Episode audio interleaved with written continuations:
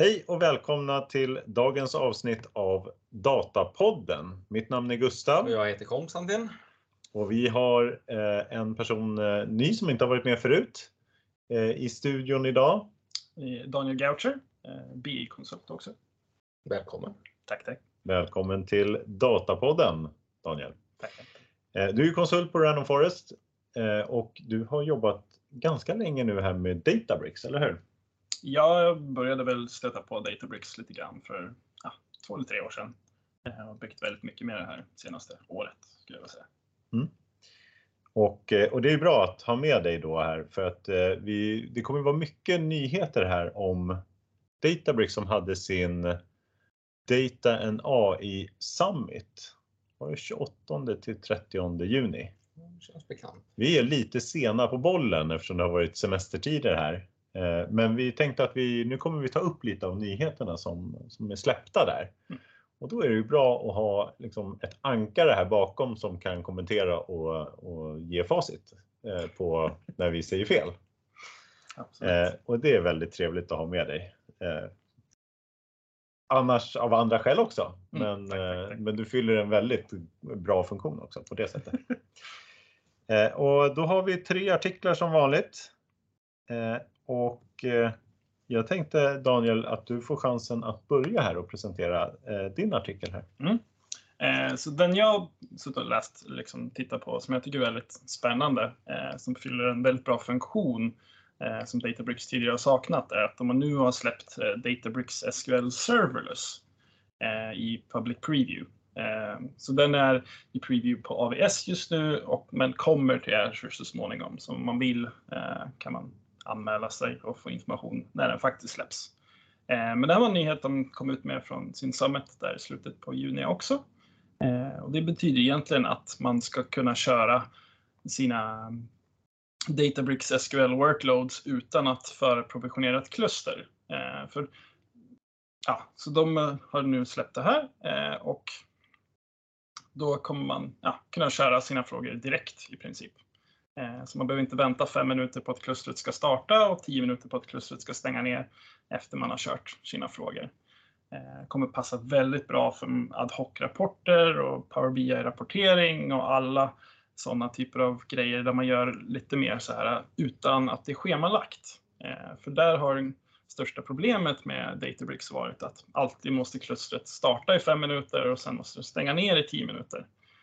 Och nu kan man bara köra en fråga och sen betalar man för den frågan. Eh, och det här gör ju att Databricks blir en stor konkurrent till Synapse Serverless. Då. Så nu finns det två olika tjänster som kör ungefär samma sak där, vilket är jättebra för oss som konsumenter att det finns konkurrens där. Mm. Och det här med kluster och sådär. För förut har det varit, det har funkat så. Man sätter upp så här, men jag har de här virtuella servrarna. Visar dem för Databricks och sen så säger man eh, när du ska köra någonting. Kör igång de här fem eh, virtuella servrarna. Ja, Och då är det ett kluster av liksom, computer power. ja, exakt. Så det har varit, man konfigurerar upp så här, ja men jag vill ha ett kluster som består av fyra virtuella maskiner. Mm. Och sen innan man ska köra en fråga mot den så måste man alltid starta den. Eh, då kan man låta verktygen starta det automatiskt när man ska köra en fråga. Eller så fick man manuellt gå in och starta det. Men det blev ju alltid varje gång man vill göra någonting så okej, nu vill jag köra min fråga. Vänta fem minuter. Kör frågan. Ha igång klustret i tio minuter extra som minimum innan den somnar in igen om man slutar betala för den. Mm. Är det olika kluster för varje användare? Som vi ställer frågan samtidigt. Använder vi samma kluster då tidigare? Eller har det varit liksom individuellt per session så att säga? Man kan välja fritt. Det har funkat åt båda hållen. Mm. Man kan dela, man kan köra egna. Mm. Eh, Men nu blir det helt bortkopplat från sånt där. Att man slipper hålla på och komma upp sina kluster och försöka förutsäga ungefär hur mycket den kommer behöva. Liksom. Man har kunnat ha haft autoscaling tidigare, men nu blir det helt liksom, bortkopplat från Mm. helt automatiskt, vilket är Mm. bra. Men visst kan man välja storleken på kluster och skala ut och skala upp och sådär i Databricks nu på deras serverless? Eh, nej, inte på serverless. Den Nej. kommer vara eh, jag vill ha och sen kommer den. Så den skalar upp och skalar ut. Ja, den leder upp det själv. där av sig själv. Så man, gör ing, man sätter inte själv. Nej. ramarna för det där. Eh, Så, så som det ser ut just nu, liksom, de är ju som sagt i preview så saker och ting kan ju förändras. Men tanken är att den ska vara helt, eh, det ska inte kräva några mänskliga, liksom mänskliga konfigurationer om hur mycket prestanda kommer jag behöva för det här. Det ska vara, jag vill köra den här frågan och sen ska du lösa det under ytan. Och, Jag och liksom ingen så här att man betalar för en kvart efter också eller någonting. Utan det Nej, bara- exakt. Så man betalar för den frågan Mm. man kör. Ja. Och sen är det så. För det är ganska likt då Synapse Serverless. Ja, det ser ut att vara det. Mm. Så man får ju gå in och testa och ha sig när det väl är klart Mm. och redo. Jag försöker jämföra lite grann mot Snowflake där man kan själv sätta hur mycket kan man, hur mycket ska man ha eh, uppskalat? Och man kan också sätta hur mycket ska den skala ut också Mm. om det blir för mycket. Så Snowflake där är ju exakt som Databricks var tidigare. Mm. I princip att man sa så här mycket vill jag ha och så här mycket kan den skala till. Mm. Eh, Det här är en helt annan eh, liksom, betalning och uträkningsformula där den säger jag vill köra frågan och sen betalar man för den frågan. Mm.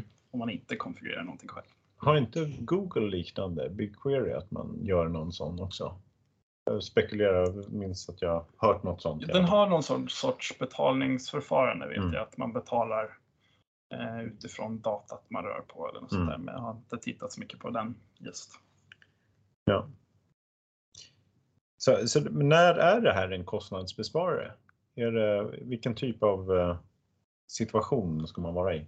Eh, jag skulle säga varje gång man vill göra någon sorts ad hoc fråga mot den Mm. eller bygga en rapport mot den. För säger man, man släpper på sin lake och säger ja, men vi ska ha massa businessen som ska bygga sina egna rapporter mot det här. Mm. Det kommer vara svårt att kontrollera och säga att de, men ni ska se till att alla era, om, alla era rapporter ska laddas om exakt samtidigt så man kan optimera och ladda om alla rapporter precis klockan nio varje morgon för att spara Mm. pengar.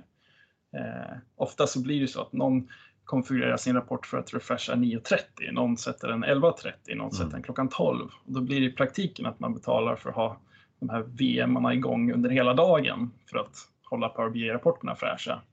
Eh, Men går man serverless, då kan det vara liksom om man betalar för varje liten query som man kör. Man behöver inte tänka på det här att eh, saker och ting ska försöka optimeras till att ske samtidigt. Mm.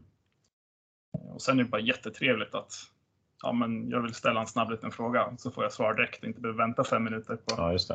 att det ska Så komma det är igång. både en kostnadsbesparare men också en så här minskande av eh, att man ska stå och vänta om klustret är nere. Liksom. Ja, där har, det är där Synapse Serverless har en stor, liksom, eh, eh, ligger långt före Databricks i Ja. enkelhet att konsumera just nu i att man kör sin fråga och man får svar direkt. Ja. Man måste inte hålla på och vänta hela tiden. För folk, folk blir väldigt frustrerade när de måste vänta i fem minuter för att Mm. någonting ska hända. Ja, det känns ju lite eh, långsamt får man väl säga. Mm. Finns det några andra fördelar? Det är, eh, det är liksom kostnadsbesparing och att man inte dör av tristess eller av eh, ilska. Mm. Nej, men det är också att, att det, liksom, det kräver mindre konfiguration. Så det är mycket automatiskt. Liksom. Man måste inte försöka förutse hur mycket prestanda de i businessen kommer behöva. Liksom. Eh, Det har funkat tidigare som sagt med autoscaling och sånt där. Men man, man har tvungen att sagt ramarna på hur stora liksom, VMar ska de få ha. Mm. Sen har det kunnat skala hur många automatiskt. Men eh, man har alltid varit tvungen att sagt hur mycket prestanda varje VM ska ha. Det har Mm. man varit tvungen att sagt upp själv tidigare. Men visst är det, när man sätter ett sådant kluster, då kan man sätta liksom specifika kontext också som ska vara på klustret. Va? Den ska ha- det här uh, Python-paketet och sånt där. uh. Eh, ja. eh, Det kan man inte göra med den här serverless. antar jag. Nej, och det här är ju en Databricks SQL serverless. Så Mm. det blir ju inte eh, köra dina egna Python-paket Ja. och sånt där. Mm. Det här är ju för SQL ändå. Och Databricks SQL, det är liksom den här visualiseringsdelen av Databricks. Kan man säga så? Ja, det är väl en, en separat endpoint som de kallar det. Mm. Att eh, man har haft sina vanliga Databricks notebooks och sen Mm. har man haft Databricks SQL som har varit ett mer SQL-gränssnitt mot ens data. Ja. Så det är ju för att skriva SQL-frågor mot Rapporter och Så visualiseringar. rapporter och analysqueries och Mm. sånt där. Men det, är det bara för att liksom köra andra rapportverktyg eller finns det en visualiseringsmotor i Databricks SQL också? Eh, det vågar jag inte uttala mig om. Mm. Jag vet inte. Jag har inte använt det som sagt. Men eh, jag tror så är det nog mest bara, alltså motorn i sig, SQL Serverless, är ju Ja. för att få data. Just det. Sen kanske de har eh, några andra paket uppe på toppen för att Mm. visualisera det. Ja. Eh, Kanske de vanliga, för de har lite sådana här uh, funktionaliteter i notebooks och, och. Ja, jag tror det finns inte- någon dashboard också ju. Ja, men jag tror inte det fanns i Databricks SQL om jag kommer ihåg Nej. rätt. Några väl basic grejer kanske, Mm. men inte fullt ut lika mycket som man kan göra i notebooks. Ja men toppen. Har du några andra kommentarer eller ska vi gå vidare till nästa artikel? Känner du dig nöjd så går vi vidare. Jag tycker gå vidare. Det, är en, eh, ja, det låter ju som en trevlig funktion. Spara pengar och inte bli förbannad. Ja, och jag tror det, det kommer eh, jättebra med konkurrens i marknaden. Att Mm. Synapse Serverless och Databricks SQL Serverless kommer sitta och tävla mot varandra. Ja. kommer nog kom, gynna att det blir mer features överallt för alla. Mm. Ja, men vi går vidare och så tar vi nästa artikel och det här är också från eh, en artikel från Databricks egna blogg. De släppte den då i samband med den här eh, mässan då. Eh, Data AI Summit som de hade Eh, i eh, slutet av juni. Så 29 juni släppte de här eh, blogginlägget Top 5 Workflows Announcements at Data plus AI Summit. Och vad är det då? Om vi börjar då, vad är workflow för någonting? Det är ju alltså deras orkestreringsverktyg som man ska kunna bygga sina pipelines och se till så att de kör liksom ett antal steg med liksom, här förbättrar jag datat fram till förkonsumtion. Eh, och, eh, och då har de gjort lite nyheter som de släpper då i det här verktyget, deras orkestreringsverktyg. Eh, och det är fem stycken. Eh, nummer ett då av de här, det är att man har infört källkodshantering av workflows. Så man kommer kunna liksom, eh, ja, om man bygger en DV-lösning eller liksom bygger dataflöden så blir det ju ofta så att det hamnar ändå en del av de här viktiga delarna. Det är ju också i hur eh, den här eh, hur man sätter ihop de olika komponenterna, laddningskomponenterna, eh, att de är i rätt ordning och så vidare. Så nu ska man kunna källkodshantera dem också då.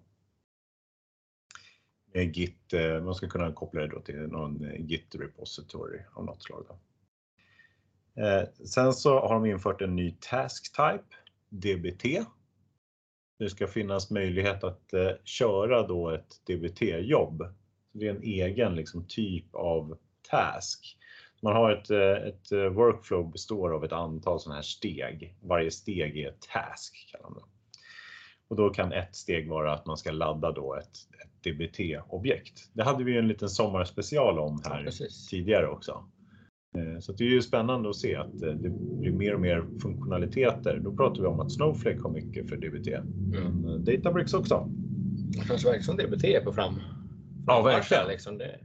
Alla vill vara med på DBT-vågen. Och sen så har de infört en ny task type också som de kallar för SQL SQL task. Och det tror jag är kopplat då till den här Databricks SQL delen.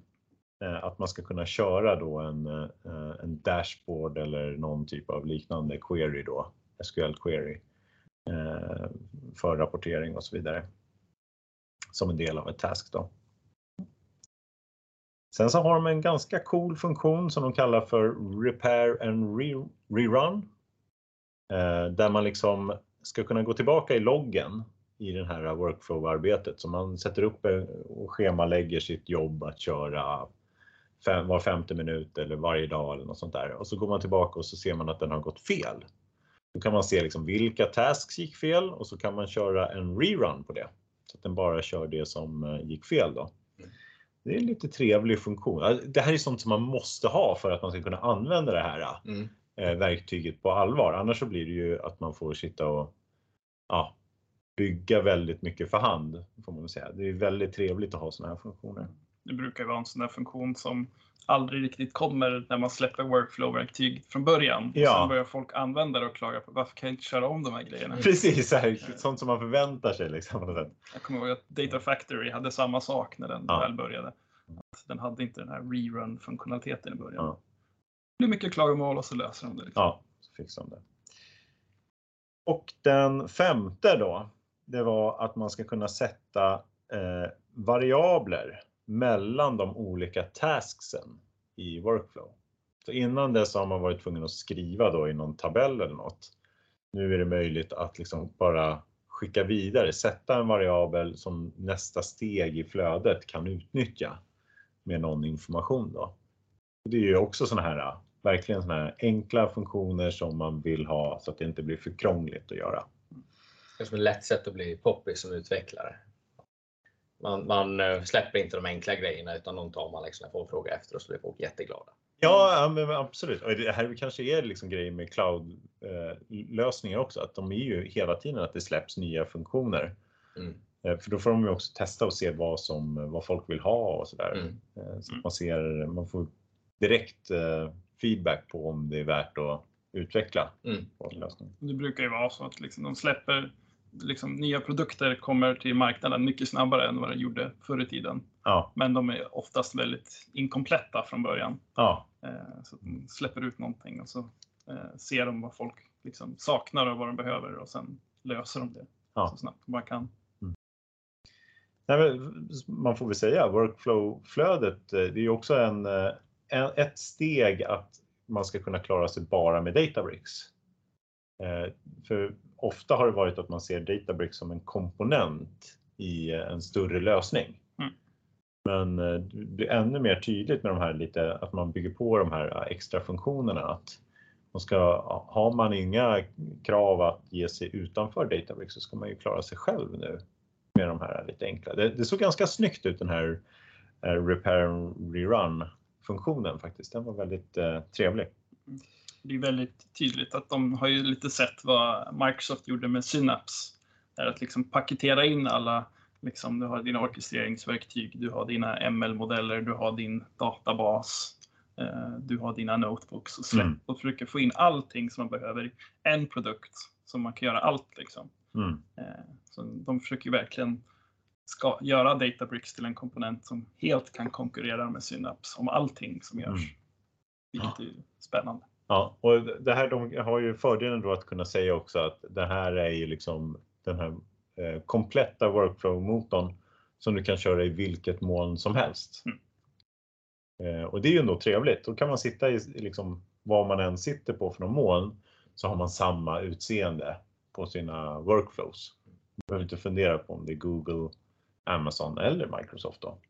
Och det är också väldigt bra för hitta folk som kan de här grejerna. För det behöver inte vara, men jag, den här människan kunde Azure och Mm. kunde de komponenterna. Har man suttit med Databricks någon gång så spelar det ingen roll vilket moln man har suttit i. Ja. Man kan lösa Databricks och bygga dataplattformen på alla molnen Ja, oavsett. Mm. Det är väldigt trevligt med open source-grejer. Ja. på så vis.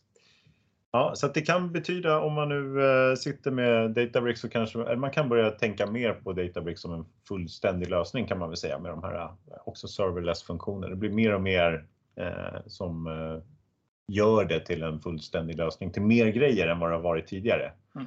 Då det förut kanske varit big data och avancerad analys eh, så blir det mer och mer en, en ren BI-lösning. Absolut. Då får man ju tänka på att alla de här komponenterna som vi pratar om idag är ju preview i dagsläget. Just det. Eh, Så Mm.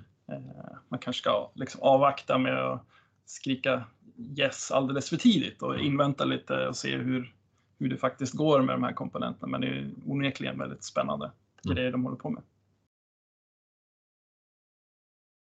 Ja, ska vi gå vidare till eh, nästa eh, artikel? Så avslutar Ja. vi med, vi har ju mer om Databricks, men det tänkte vi att vi fortsätter på nästa avsnitt. Men nu Mm. har vi lite, för att lätta upp stämningen här så har vi någonting annat. Ja, jag kan säga att jag känner mig så träffad här. Ja, Det är nämligen bara jag kvar. ja. och eh, jag tänkte snacka om lite kläder. H&M närmare bestämt. Hittade en artikel på AI Magazine och eh, då står det här Google Cloud announces partnership with H&M to advance AI. AI, det, det, tycker jag alltid är spännande när man läser. Eh, och advance All, AI. Advance AI. Det är inte enkel AI kan man väl säga. Eh, nej, men alltså, allt blir så mycket häftigare när man blandar in AI. Ja. Och kanske lite ML också. Eh, men Google Cloud är ju en av de stora dataplattformarna. Eh, jämte eh, Azure Synapse, Azure DB, Redshift, Snowflake. Skulle kunna säga att Google Cloud är vanligast inom retail. Ehm, tänkbart är att det är ett naturligt val för e-handlare exempelvis som kanske i större grad använder tjänster från Google eh, för integration med både existerande och potentiella kunder. Ehm, men Google ingår då ett, ett partnerskap nu med H&M där Google ska hjälpa H&M att skapa en ny dataplattform på GCP Google Cloud då, som de kallar The Enterprise Data Backbone. Det här är liksom ryggraden. Va? Ja, en rejäl lösning kan man säga. Exakt. Och då ska den här inkludera, då står artikeln, en Core Data Platform, Data Mesh och användare av machine learning och AI. Um, ehm, så då ska, man då, använda, då ska de liksom hjälpa till att bygga den här uh, helhetslösningen då med uh, i olika dataprodukter och sen så då uh, kunna framförallt bidra till bättre supply chain. Där har de ju till exempel all pricing och demand planning. Det är en jättestor grej men har som tusentals olika produkter. Mm. Ehm, och, eh, men även eh, kundupplevelsen tänker de sig kunna utveckla mycket mer. Mm. Ehm, man har ju ibland lite grann folk har den här Customer 360 perspektiv, att man ska ha liksom många olika datapunkter då, som man samlar ihop så man kan få en helhetsbild av kundens olika interaktioner. Oavsett om man har köpt något i butiken eller om man har handlat online eller eh, fått ett nyhetsbrev eller något liknande ja, man samlar detta då så man har den här mm. helhetsvyn på, på kunden. Då. Eh, jag hajar till lite grann på ordet data mesh, data products. Det är ju mm. liksom i ropet liksom. Eh, för att få lite mer decentraliserade domäner. Ehm, tänkbart är att det är något som det de facto redan är där i och med att det är som ett stort bolag med väldigt många olika delar. Ehm, men, men jag tänker också att det är ett otroligt ambitiöst projekt. Ehm, för jag tolkar det inte som att de redan är i Google Cloud utan de ska dit. Mm. Och på ett sånt här jättebolag då införa en helt ny plattform. Eh, det är ju ett enormt projekt som kommer ta många år. Ehm, och eh, det står, jag tänkte citera lite den här artikeln att Through the partnership, Google Cloud will establish a new data mesh for H&M which will make all types of data and events accessible from multiple sources including in-store, online, its ecosystem and suppliers. Mm. Så det här ska innehålla allt. Det är ett jätteprojekt. Ja, verkligen. Ja, ja, verkligen. Men det är kul med ett svenskt bolag som får den här typen av, vara med i den här typen av liksom, projekt ja. och samarbete då med, med de här jättarna. Verkligen. Det, det, som inte kommer fram här, det är ju Microsoft. De har ju kört mycket Microsoft på Hennes och Mauritz. Man undrar ju om de ska tänka att de ska ersätta då eller om det ska bli någon typ av komplettering. Mm. Egentligen om man ska sitta med en eh, hybrid cloud lösning och köra två moln eller om tanken är att eh, man eh, ska ersätta hela eh, ja, den slutgiltiga lösningen nu går mot Google. Eller så är kanske det lite smalare än vad det är sken av artikeln här, att det handlar mer om ja. AI och maskinlärning, ja. att det är liksom avancerad analysen mm. som de mer eh, Så håller man business med. intelligence det, Så skulle det faktiskt mm. kunna vara. Eh. Men data meshen är ju centralt och det borde mm. ju vara en, en lösning för mm. allt. Mm. Men samtidigt står det ju Enterprise Data Backbone och det tolkar jag ändå som att ja, det, måste det är liksom vara. slänga ut ja. allting liksom. Ja. in med något nytt liksom. Ja. Eller så har de kört Databricks så kan de bara flytta allting. Ja, ja smart. det är ingen skillnad.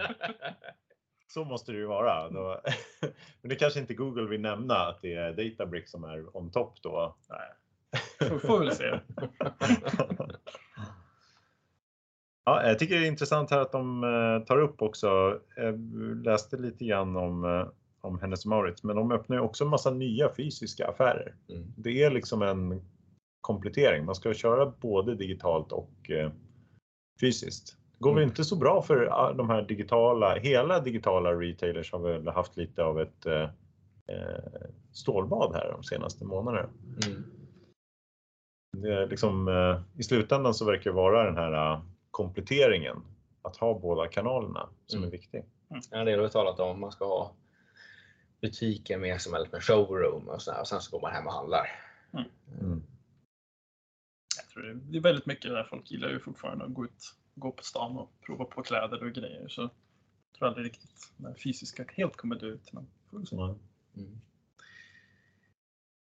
Ja. Eh. Och CTO eh, tog man och eh, tog man och citerade i den här artikeln också. Och med, ja, just det. Och CEO också var med och pratade, men det var mer allmänt tror jag. Men Mm. CTO fick eh, liksom presentera det här då. Jag blir lite nyfiken. Jag, vet inte, det stod inte om det i artikeln här, men hur, hur högt upp sitter CTO i Hennes och Mauritz? Får man kolla på så här startups, Mm. då är CTO ofta en väldigt viktig position eh, i, liksom, i techbolag. Har Hennes och Mauritz tagit efter det och liksom fått upp CTO så att den är i ledningen eller är det, är det under CFO då eller?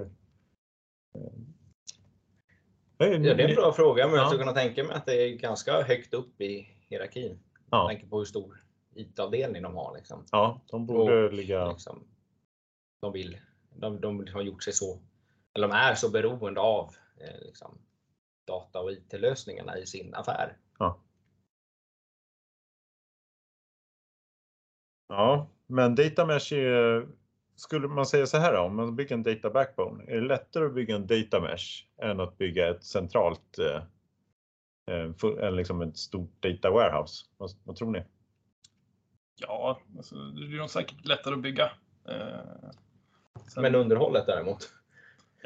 Jag kan inte riktigt uttala mig, jag har inte jobbat någonting med det, men eh, det känns ju som att om man, om man inte gör rätt så finns det väldigt stor risk att man skapar de här data silos man har velat gå ifrån Mm. senaste tiden. Så det, det krävs nog extremt mycket kooperation mellan olika eh, avdelningar ändå. Liksom att, Det blir det om man har, och har så, så många människor som arbetar med det så är det ju svårt att få den där. Man kan ju påbörja en backbone men då kanske man miss, slutar i liksom en misslyckad mesh. Liksom. Det är bara är liksom, det, är så, så nytt koncept känner jag oftast, Mm. data mesh, att man inte riktigt vet eh, förrän många år senare om det faktiskt har funkat bra eh, Mm. och i vilka typer av företag det faktiskt kommer funka bra. Mm. Eh, för jag tror nog är mycket enklare att bygga eftersom olika avdelningar inte måste sitta och prata med varandra Mm. för att bygga det. Eh, men sen konsumtionen av det i slutet kan ju bli att folk sitter och tittar på lite olika siffror här, där och överallt. Och Mm. Om man inte har den här eh, liksom, riktigt bra kooperationen i businessen.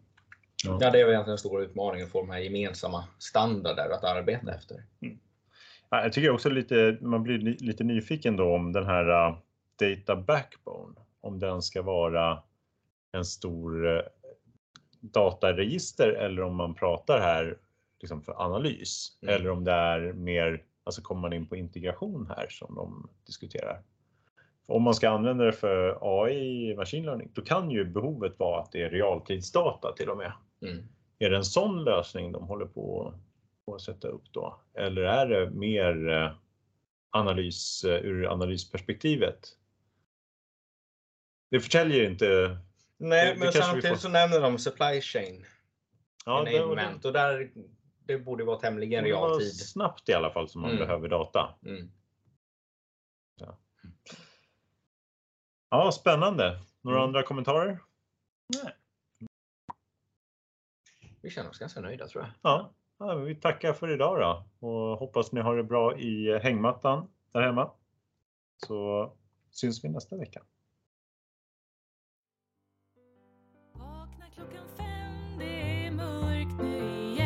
Som om idag är en repris av igår.